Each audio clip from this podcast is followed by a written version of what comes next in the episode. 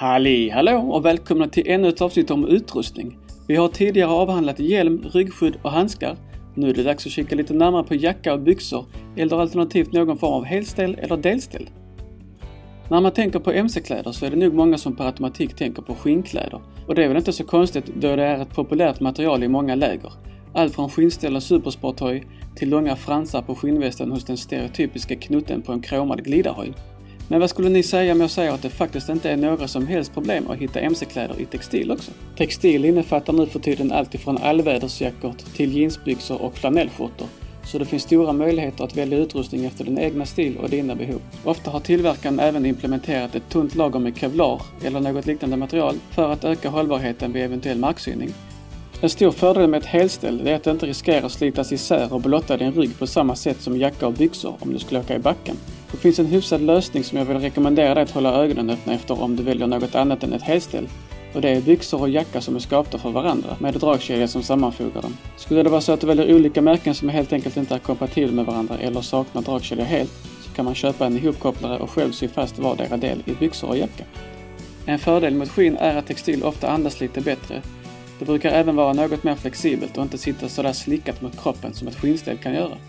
Vissa textilplagg klarar regn bättre än andra, men det finns även impregneringsspray som man kan köpa och spraya på för att få lite extra skydd mot väta.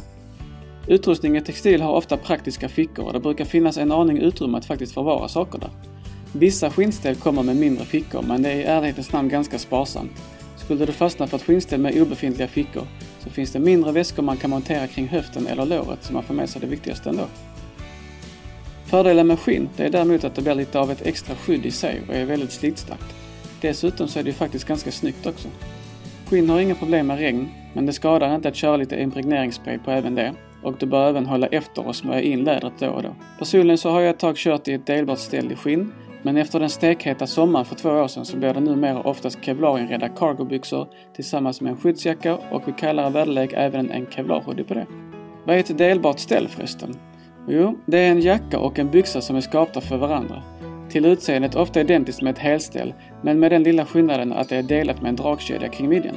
Och ett helställ är alltså tillverkat i ett enda stycke, byxa och jacka. Ungefär som en overall kan man säga. Om det skulle regna på riktigt ordentligt så vill jag bara passa på att nämna att det finns även särskilda regnställ som man drar över sin befintliga utrustning. Det kan vara bra att ha med sig på längre resor och det brukar inte kosta så himla mycket. Nu kommer vi bort en liten aning från själva utrustningen, men just när det gäller regn så spelar även din höjtyp in hur snabbt det blir blöt. Ett tips om du kör sporthöj eller annan höj med gott om kåpor är att lägga dig över tanken för att hålla dig torr lite längre. Som ni kanske anar nu så är det dags för en liten tittarläxa! Och ni ska såklart nu få fundera ut huruvida ni vill ha utrustning i textil eller läder, om det ska vara ett helställ, delställ eller byxa och jacka var för sig. Sen är det bara att åka till din lokala mc-handlare och prova ut det som passar just dig perfekt. Oavsett vad du väljer så glöm inte att se till att det ingår eller att du köper till skydd för axlar, armbågar, höfter och knän. Nästa gång så avslutar vi delen som rör utrustning genom att gå igenom stövlar och skor och därefter är det dags att ge oss på grundläggande säkerhet och manövrering av hojen. Så vi ses väl då! Prenumerera gärna idag både på Youtube och i din poddspelare. Tack för att du har varit med denna gången. Vi ses i nästa!